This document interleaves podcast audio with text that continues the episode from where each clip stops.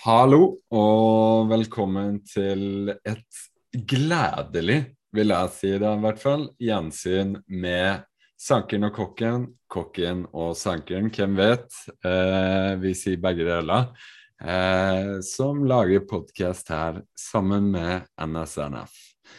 Eh, I dag så skal vi eh, snakke om eh, en litt spennende art. Eh, og hva er det, og hvorfor er det en spennende, Sim? Vi skal jo snakke om rødhyll i dag. Og ja. sjøl så synes jeg rødhyll er veldig artig, for første gangen når, når jeg skulle levere hylleblomst, så var ikke jeg klar over faktisk at om folk foretrekker svarthyll eller rødhyll. Men i kokkenes verden så er det jo aldri snakk om rødhyll, og bestandig svarthyll de skal ha. Mm. Så da spurte jeg jo da, ja, men er det rødhyll du skal ha, eller er det svarthyll du skal ha? Da skjønte jeg ingenting. For rødhyll er jo da egentlig kjent for veldig mange til å være en giftig art, noe som holder seg langt unna. Så hvorfor i all verden har vi med inn i podkasten her da? Jo, det er fordi at den kan spises, rett og slett. Rødhyll kan man også bruke som mat. Og Derfor ja. har vi podkast om det. Og derfor synes jeg den er spennende. Nettopp. Så uh, hyll uh, jeg, jeg, skjønner jo den, for hyll var jo opprinnelig et navn som dekka svarthyll, uh, Sambucus nigra. Uh, men nå er det jo da også Sambucus rasmoso. Ja.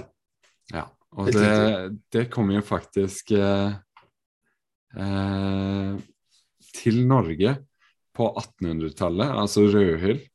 Eh, mm. Og det skal angivelig ha vært Carl von Linné som tok den her eh, busken som kan bli et lite tre, da, eh, mm. til Skandinavia eh, fra Europa, da. Eh, og ja Sambucus var jo fra gammelt av det romerske navnet på hyll. De er mm. ganske like. Og rasemosa betyr helt enkelt hyll som bærer klasa. Klasa, ja. ja. Helt riktig. Ja. Og Jeg syns det er litt artig at det er Linné sjøl som har kommet med, med den her, her da, for den har jo litt sånn vond historie. For den er jo skikkelig på fremmedartslista. Det er jo ikke ja. en ønska art i det hele tatt. Men det, den, man kan jo si det samme om Carl von Linné på mange punkter, da, tenker jeg. At han var en fremmedart? Ja, eller ikke ønska? ja. Han hadde vel Ja. Han har vel han har gjort en del gale, gale ting i, i, sin tid, men uh, ja. ja. Så han er litt som rødhyllen, egentlig, tenker jeg. Ja, men nå har det seg sånn at nå har vi fått inn litt uh, for godt. Nå er rødhyll en uh, etablert ja, busk, da, som, ja. som, vi mest sannsynlig kommer til å ha i alle, alle de år framover. Og den strekker seg jo gjennom hele Norge, i hvert fall opp til nord i Trøndelag. Ja. Eh, der er det bra, og vi har veldig mye av den her i Trøndelag. Ja. Så når jeg skal sanke rødhyll, så trenger ikke jeg å dra mer inn enn eh, ja, 50 meter fra huset til første busk, og så går det bare slag i slag ned gjennom. Ja, så det er ikke vanskelig. Ja, til de grader. Og så er det så fint med rødhylltrærne eller buskene, for de blir jo en sånn fire-fem meter høy på det høyeste. Så det er noe helt annet å sanke rødhyllbær enn eh, f.eks. Eh, nobelgrankongler som du må 20 meter opp i, med lift for å klare å få tak i. Så ja. veldig behagelig. Ja. Eh, og for å ta litt sånn hvordan man kjenner igjen eh, rødhullbusken òg. Så det er jo en, eh, en busk. Kan vokse seg et sånn lite tre på fire-fem eh, meter. Og, og greinene har en sånn gul til rødbrun marg hvis man begynner å kikke litt uh, inni dem. Men det som man spesielt uh, identifiserer på, det er jo da på blomst og bær. Det er det som er enkleste. Eh, de får sånne klaseblomster også, som er litt sånn bleikgul i mai-juni. Nærmere juni her i Trøndelag, sikkert mai i Oslo. Og, og som går over dette sånn Februar? faktisk. Februar. Ja, og så går de da over til De går jo over til sånne klaser med, med røde bær. Eh, mm. drue, druebær har det også blitt kalt. Ja, ja for det Og- henger jo i en type sånn eggeforma drueklase, nesten. Eh, Mm. Egentlig, bare at eh, bærene er jo ikke i nærheten av å være i druestørrelse, skal det sies. Eh, Veldig mye mindre. Ja. Ja, Bærene ser egentlig ut som sånne, et hundretalls med tyttebær som er lagt i en sånn rund klase, egentlig. ja. Her og der. Muterte tyttebær, Ja, kan man si. til de grader. Og det er, så, det er så mye bær da på ei sånn klase, så det er kjempegøy å sanke, altså. Mm, mm. Eh, og så kan den være litt sånn Den kan jo ligne litt på svarthylla òg, sånn, som, eh, sånn som Ikke bærene og blomstene skilles veldig ut. For svarthylla har en veldig sånn brei skjerm, ikke en sånn klaseblomst. Mm. Og så får jo den svarte bær og ikke røde bær. Eh, før det der kommer, så har man jo på en måte bladstand å kikke på. Og da eh, kan tenke, tenke bladene litt mer matt på svarthyll og litt mer sånn eh, glatt på rødhyll. Litt mer sånn eh, Får nesten litt sånn eh, plastikkfeeling på rødhylla i forhold til svarthylla. Mm. Så tenk eh, maling med glans og maling med matthet. I, i, når man skal ut og sanke, tenk, Ja. tenk maling. Ja, ja, men det er sikkert å male Tenk maling når du skal identifisere artene. Det er veldig vanlig med, med maling, så må du jo ta stilling til glansgraden i malinga, ikke sant? Ja, jo, jo. Det er jo ofte Ja. fire glansarter. Og så kan du tenke på plantene, det kan jo overføres Du kan ikke si fire glansarter. Fire glanstyper. Barnslig. Barnslig. Ja, det, det, det gikk jeg faktisk på en liten uh, smell på en, uh, når jeg skulle handle med snus på butikken. Så, så jeg visste ikke helt hvordan snus jeg skulle ha. Kan Så jeg få en kassa eh, mye, mye glans? Jeg spurte hvordan arter snus har du? Ja, men der har jeg også gått på en smell eh, en del ganger, faktisk. Eller smell og smell, det er jo ikke noe farlig. Men, Det er farlig, ja. Ja. Men eh, Og så er de eh, jeg vil, ja, og så er det veldig viktig at de er veldig sagtanna, der bladene, for å avslutte blad, bladveksten. Det er veldig tanna. Mm. Så ganske enkelt å identifisere rødhyll. Eh, så lenge du vet at den har røde bær og klaselignende blomster, så, så klarer du å skille den fra svarthyll. Og da vil ikke jeg si at det er så mange andre busker ute der som ligner, i den Nei. forstand. Jeg er enig. Det, de klasen, klasen er ganske lett å, å, å kjenne igjen, og spesielt når en får bær. Da er, det, da er det vanskelig å identifisere feil, altså.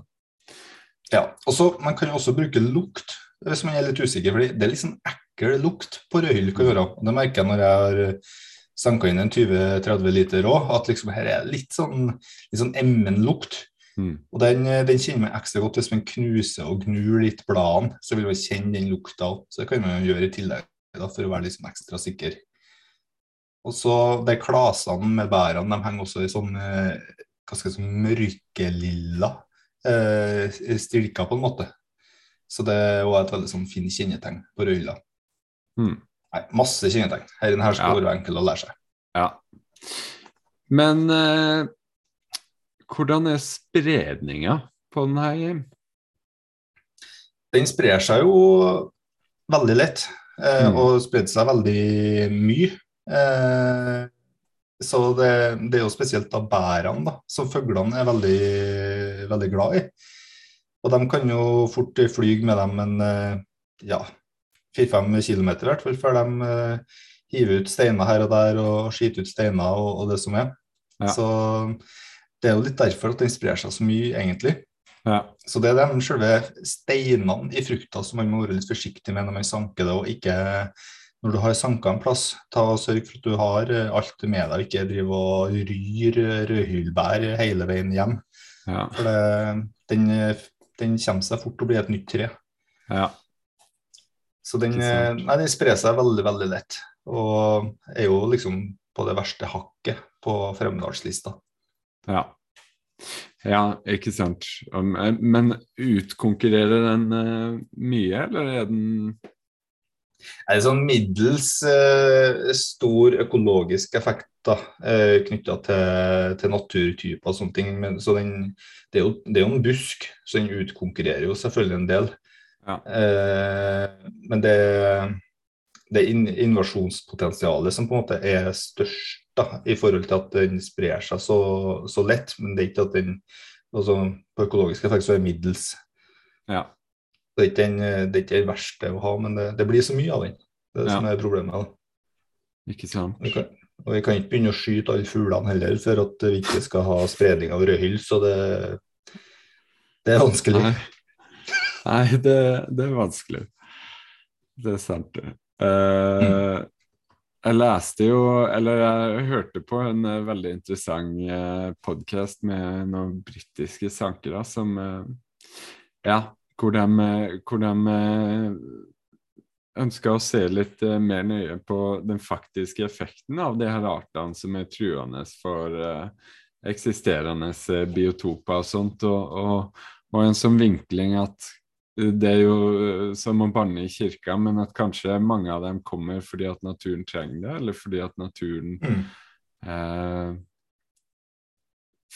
fortsetter å tilpasse seg og utvikle seg, og det at vi vi verner om eh, de plantene vi har allerede i landet.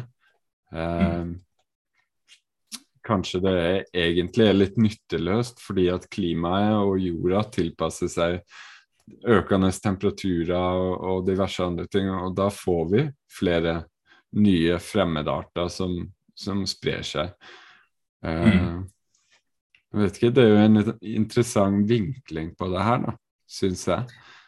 Uh, ja, jeg synes egentlig at det er veldig interessant. da, Og, og sånn som rødhylla, den, den, trives jo i det jordsmonnet som vi har i, i Norge, mm. og de temperaturene vi har. Så, mm. så, på en måte de skikkelig tropiske artene de har jo ikke livets rett i, i Norge og blir jo ikke en fremmedart. Men de Nei. som fungerer her, de vil jo gjøre det. Ja, og også, og også spesielt når du tar inn i betraktning det her at vi i Norge har eh, 3 eh, dyrkbar mark. Eh, resten er jo eh, typ utmark, berg, mm. Eh, eh, myr og diverse andre eh, ugunstige lokasjoner for beplantning. Og så har du liksom typ 90% av det igjen til, går til dyrefòr, da. det er jo derfor vi mm. har vært så veldig avhengige av dyrehold. Og enda mm. er det den dag i dag. Eh, det er jo ikke sånn at vi kan lage nye utmarksområder og, og, og dyrke grønnsaker eller andre ting i. Det er vanskelig. Mm. Eh, men det er det her eh, Altså at vi får flere arter som har inntog i landet vårt, som mm. også mm. er spiselig og god. Det gir jo eh, et helt nytt og større mulighetsrom for å få norske råvarer da, som ikke er animalske produkter, tenker jeg. Mm. Egentlig. Nei, jeg tenker Det, det er en tosidig eh, sak, dere der. da, for at uh, man skal jo, sånn som ei myr kan jo for mange uh, bli sett på som en veldig kjedelig biotop. I hvert fall mm. hvis man er i mat, uh, matverden. Hvis man tenker igjen på det biologiske mangfoldet da, over ja, ja. alt fra mikroorganismer og det som er så vil jo en del sånne fremmedartslista arter være med å, å, endre veldig mye i forhold til det habitatet der. Ja. Så jeg bruker å tenke at uh, her, her, skal det så mye kunnskap til for å mm. vite hva som egentlig skjer. Men uh, og ikke på en måte tenke at ja, vi dyrker vi dyrker i myra der med rødhyll, for den har vi ikke bruk for likevel.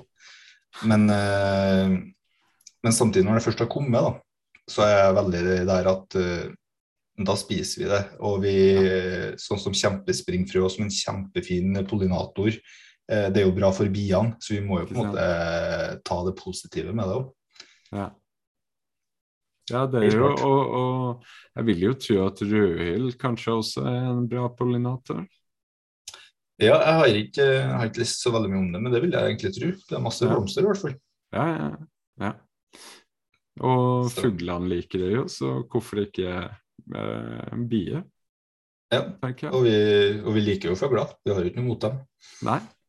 Jeg heter Ravneberg, så Min, min samboer heter Falk.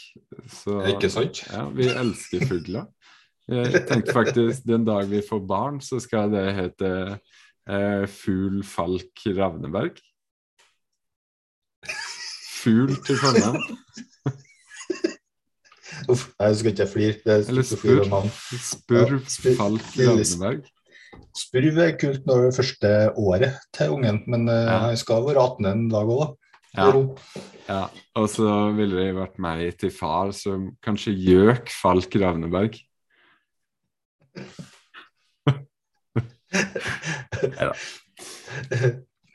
Ja, men da vet, da vet vi det, Jørgen. Ja. En liten digresjon der, bare. Må jo snakke om Vi skal jo, snak vi skal jo gjøre det her litt spennende også. Det kan jo bli litt uh, Litt tørt. Eh, informasjonstungt, ja. Nei, Jeg skulle Ja. ikke si tørt, men uh, det var dine ord. Men uh, tungt. Ja. Ja. Jeg ser det. Eh, men eh, rødhyll har har jo vært brukt i lang, lang tid. Og man har jo funnet eh, ja, frørester i såpass store mengder på eh, hos eh, våre medmennesker over vannet, eh, altså i Amerika. Eh, fra urinnvånere, eh, gamle eh, boplasser og sånt, har man funnet frø i store mengder, som tyder på at det her har blitt inntatt som mat veldig, veldig lenge. Mm. Og de sier jo at rødhyll er giftig. De sier Mm. at man skal holde seg unna rødhyll, Mm. men historie og, og fakta sier at det her er ikke sant. Eh, altså Det er delvis, delvis sant. Ja, delvis sant. Alt av bladverk, eh, stein eller frø, eh, kvister og sånt er jo giftige. Og Mm. inneholder jo eh, type glykosid som eh, vil omdannes til blåsyre i kroppen din når det går gjennom fordøyelsen din. Så det er jo ikke bra. Du må altså ikke knaske på kvistene eller bladverket på denne arten. Men selv om frøene er giftige, så er jo eh, fruktene eller bærene de er spiselige. Eh, Mm. Man tvistes enda litt i om de er spiselig rå eller ikke. Eh, litteraturen sier at det er spiselig, og noe sier at det ikke er spiselig. Men det alle er enige om, er jo at hvis du varmebehandler det her over 45 grader, i Mm. hvert fall noen minutter, så er det ikke, da er det ikke giftig lenger. Og fjerne frøene, så klart. Men det vil Ja. jo si at du kan lage syltetøy, gelé, eh, pulp, eh, saft, iskrem, alt mulig videre Mm. på de her frøene. Bare du har varmebehandla det litt.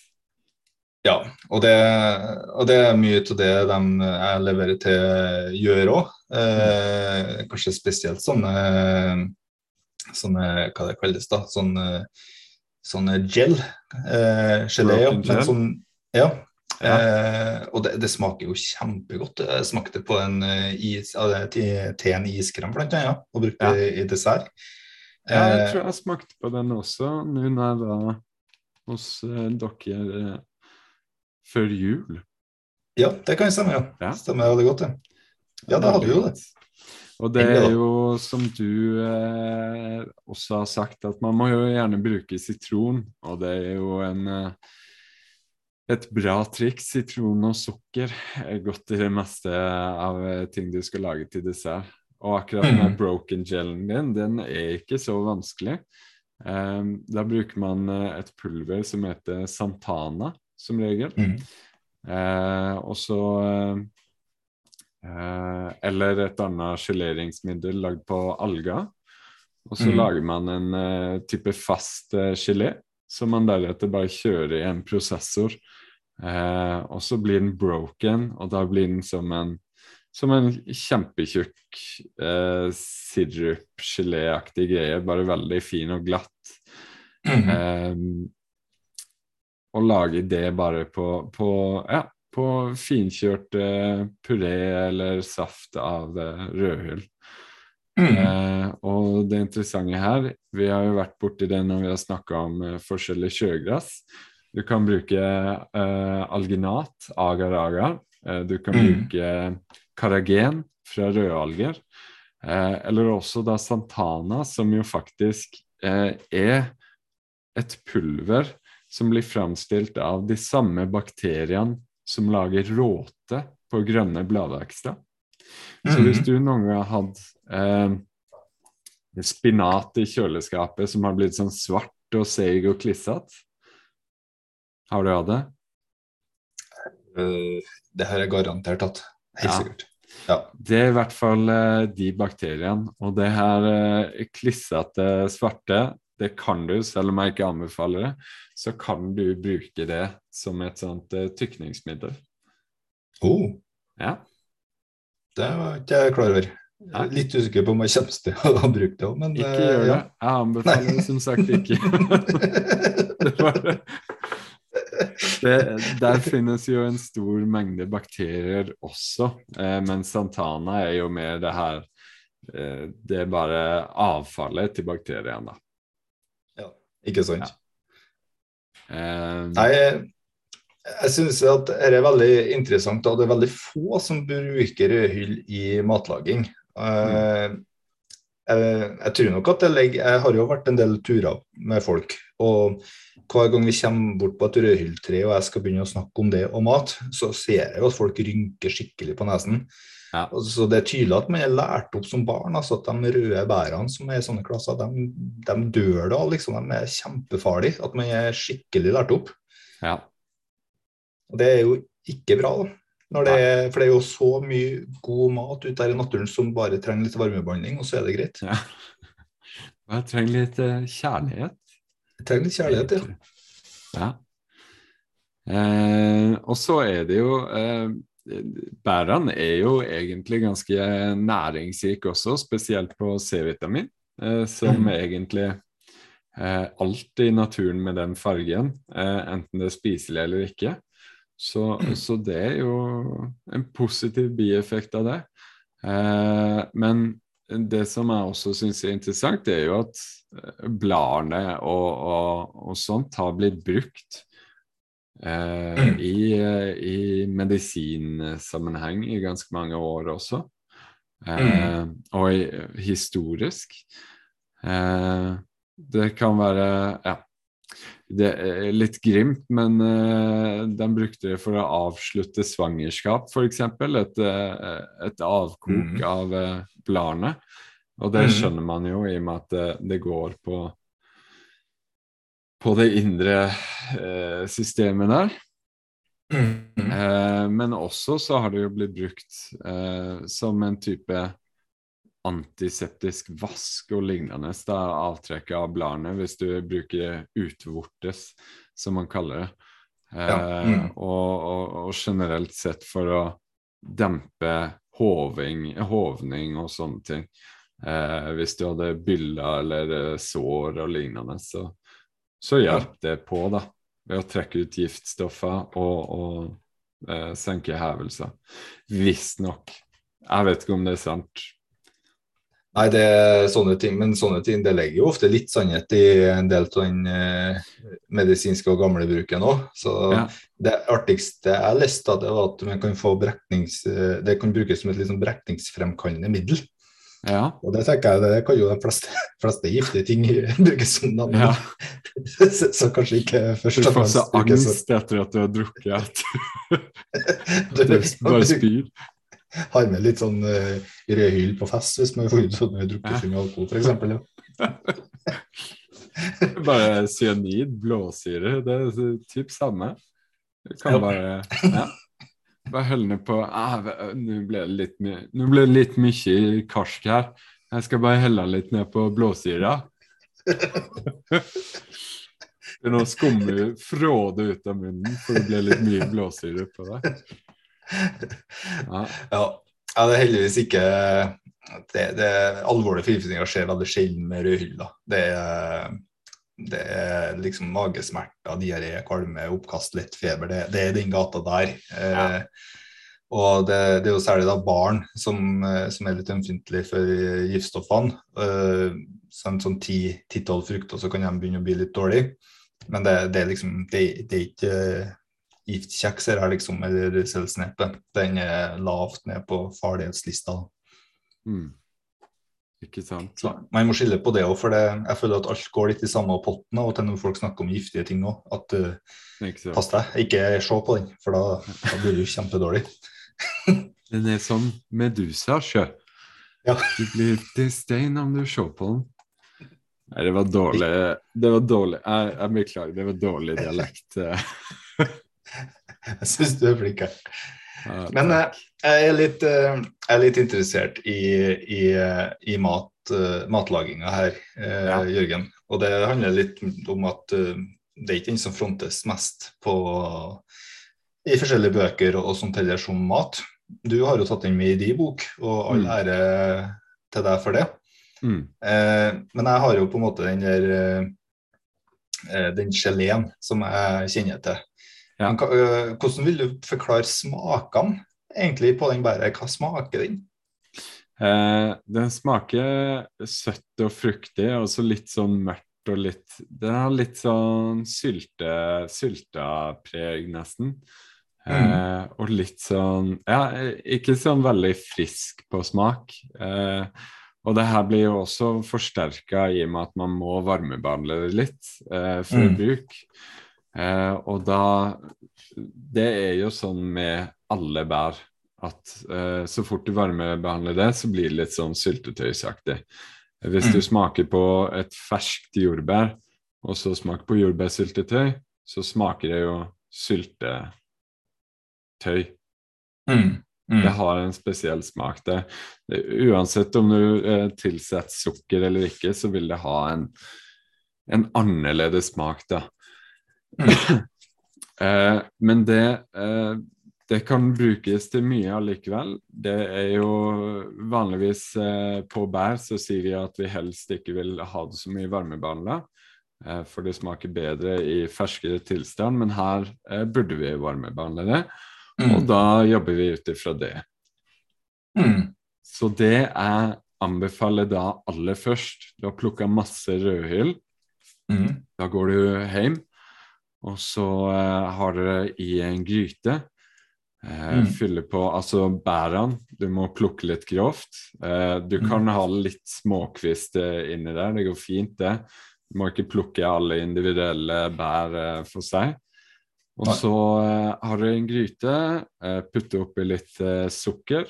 og så kanskje litt hvitvin eller eplejus eller bare vann. Og så bare mm. koker du det her eh, litt opp. Eh, egentlig helt bare til alle bærene har fått et lite oppkok eller kommet seg til en type 80 grader. Så skrur du av varmen, og så bare eh, presser du alle bæra. Presser det for juice og pulp og, og alt mulig. Bare ja. så du eh, får fjerna alt av steiner eller frø og, og kvist, småkvist. Mm. Deretter så har du en kjempefin pulp, en base. Denne basen mm. kan du jo da eh, fryse eh, eller eh, oppbevare i kjøleskapet. Og så kan du redusere den videre ned til en type puré, eller kanskje til en type eh, syltetøy eller lignende. Du kan lage mm. gelé av det med, med eh, alginat eller eh, glukose eller sånne ting. Mm. Um, eller du kan bruke den som en sånn smakstilsetning i eh, kombucha, eddik, siruper. Eh, du kan legge det på likør. Eh, mm. Kjempegodt å lage iskrem eller sorbé med. Hvis du lager en standard fløteiskrem og så bare smaker til med rødhyllepulp, Mm. Eh, eller sorbé, bare har den her pulpen, og så legger du til en sukkerlake og, og fryser den sånn. Smaker opp med sitron eh, mm. eller eh, tinnvedjus, for eksempel, mm. for å få syre. Eh, ja. Det er bare veldig mye du kan gjøre med den. Hvis du, har, eh, hvis du koker den enda mer ned, og så tar du vare på tørrstoffet i pulpen, altså ikke væske, så kan du også bruke det her i bakst. Du kan smøre det ut i en type kanelbollestil eh, bakst, f.eks. Eh, Ja. Så det er masse, masse å gjøre med denne arten som mange er litt redd for fordi at den er Nå lager jeg hermetegn giftig. Ikke sant? Eh, ja. Og da kan man jo kanskje tørke de restene der og bruke til, til, til pulver eller noe sånt òg, kanskje? Eller? ja, Ja. det går helt fint. Mm. Uh, ja. Må bruke det som et fint dryss på dessert eller lignende. Men, uh, eller fint og fint. Det, det ser helt ok ut når man gjør det sånn. Ja. Mm. Eh, vi, har jo, vi har jo brukt den noen eh, ganger i forskjellige anledninger. Og jeg syns det er litt artig da, når folk skal beskrive og det smaker som. For det bruker man jo ofte å si, da. Og hvis jeg kommer med noen påstander her da, fra de tingene jeg har hørt, så kan jo du si litt hva du mener stemmer best. Jeg har eh, hørt at eh, noen sier at den eh, smaker litt som plomme. Eh, noen sier at den smaker litt som eh, stikkelsbær. Ja, det var egentlig de to tingene jeg har hørt. jeg tror du sa det mye mer. Jeg vil jo, jeg vil jo si at eh, ja, jeg vil si at plomme er litt mer eh, eh, på prikken. Men okay. eh, Eller ja, kanskje plomme og stikkelsbær hvis du hadde blanda det og lagd syltetøy ut av det. Eh, og så tynna det ut litt. Mm. Da hadde Ja, noe sånt. Ja. Ja. Ja, men Det er veldig greit. For plomme og stikkelsbær det kan jo folk flest eh, relatere smaksbildet på. Søt, søt plomme. Eh, altså plomme som er tilsatt sukker og kokt litt. Ja. Mm. Mm. Så ikke som frisk plomme eller frisk stikkelsbær. Det vil jeg ikke si. Mm. Men, uh... Men den er jo men den er altså veldig god, da. Mm. Til og med når den er kokt. Så vi skal ikke kimse av den. Eh, det er ikke noe nødmat, det er luksusmat.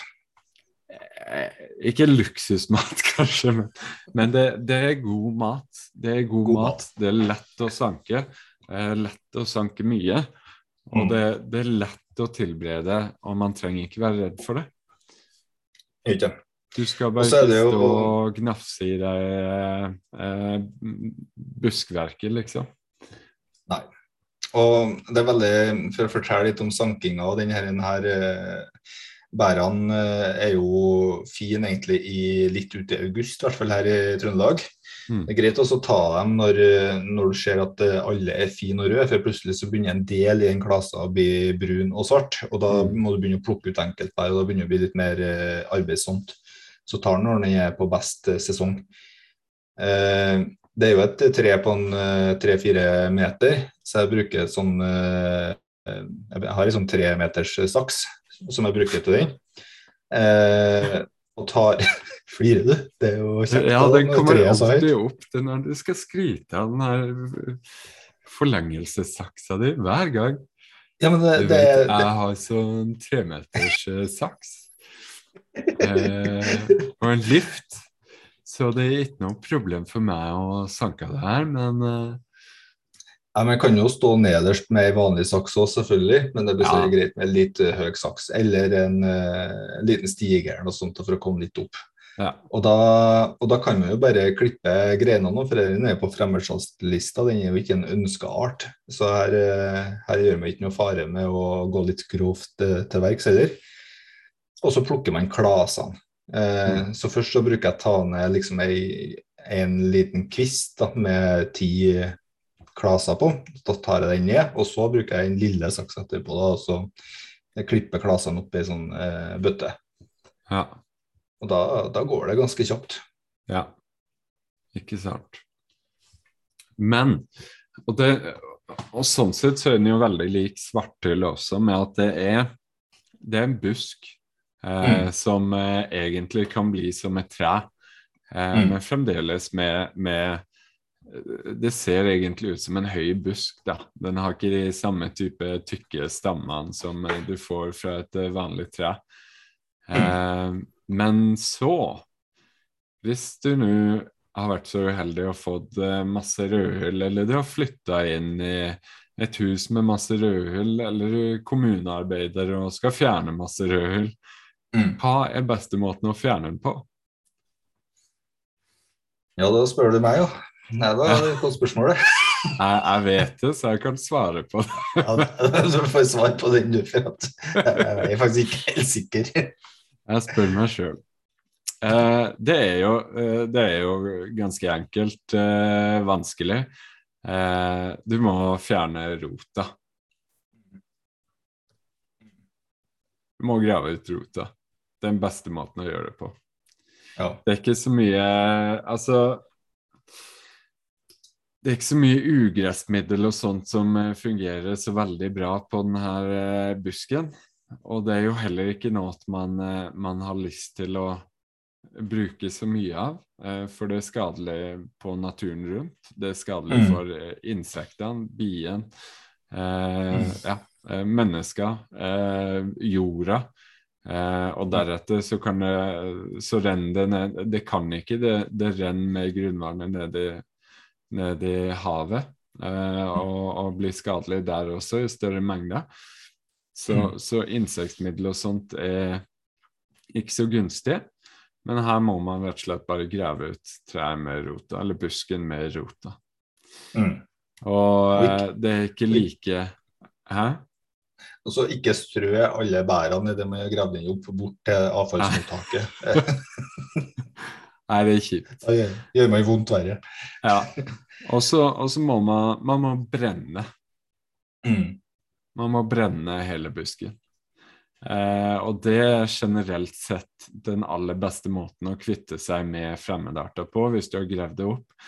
Det å Mm. finne en måte å brenne det på. For eh, en ganske standard ting er at man, man bare kjører det til, til eh, dynga, eh, og så Ja. Det, det er en grunn til at vi har så veldig stor fremvekst av fremmedarter i og rundt søppeldynger. Og det er fordi at folk har kasta kasta de her plantene eh, dit. Kjørt det som Mm. avfall eh, med tilhenger, og så ja, sprer det seg som bare ugress. Eh, Mm. Parkslirikene er jo et eh, godt eksempel på noe som eh, har festa seg bra rundt fyllinger. Eh, spansk kjørvel. Ja. Det er mange eksempler. Mm. Eh, for dem eh, det, Så mange av dem trives veldig godt i akkurat den der type mark. Mm. Eh, oppbrutt og, og, og eh, ja, eh, sårbar mark, eller eh, ja, hva, hva skal man si? Hva bruker man å si?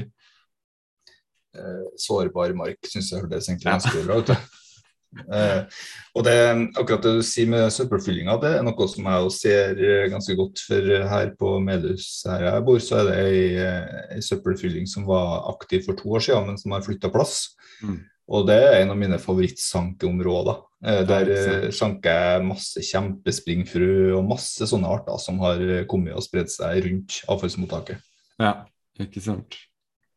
Så brenn skiten. Lag et Mm. eh, brennelag med naboene eller noe sånt. Eller eh, finn noen som gjør brenning av eh, eh, ugress eller et eller annet. Bare det er den beste måten å bli kvitt eh, de her fremmedartene, eh, hvis du skal bli kvitt det, da. Ja. Eh, hvis, det, hvis du har en grunn til å gjøre det. Og Mm. eh, det er jo en grunn i seg sjøl at de er på fremmedartslista. Eh, Nå Mm. er ikke rødhyll den aller, aller verste. Det kommer vi tilbake til i andre podcaster. Men eh, ja. Man vil nok Mm. bli kvitt den her innimellom også. Mm. Mm. Helt klart. Men Men, tror jeg vi har eh, fått belyst røylen ganske godt, eh, Ja. Jørgen. Jeg skulle til å si det samme. Jeg Ja. Vet ikke om jeg har så mer å si om den saken, egentlig. Nei. Eh. bli glad i den. Ikke, ikke føle at liksom rødhylle er sorte andungen som alle sammen kikker stygt på. Slutt å gjøre det. Begynn å spise den. Bli glad når dere ser en rødhyll. Ikke sånn Mm. superglad, men litt, litt glad. Litt glad. Og så og, og begynn å bruke Ja, passelig glad. Terningkast tre glad. Ja. Og så bruk Svigermor bruk kom på besøk, glad. Ja, i den Ja. kategorien. Ja, Sånn glad med litt bismak. ikke sant. Mm. Eh, ja, Nei, men da eh, kan jo kanskje vi bare si takk for oss, Mm. egentlig. Eh, takk for at du hørte på, og husk at eh, det finnes eh, masse annet morsomt å høre på eh, med Sanken og Kokken. Eh, masse annet hos NSNF, Norges eh, sopp- og nyttevekstforbund. Og ja, så høres vi egentlig neste gang. Mm. Det gjør vi. Takk for nå. Ha det bra. Takk for nå. Ha det.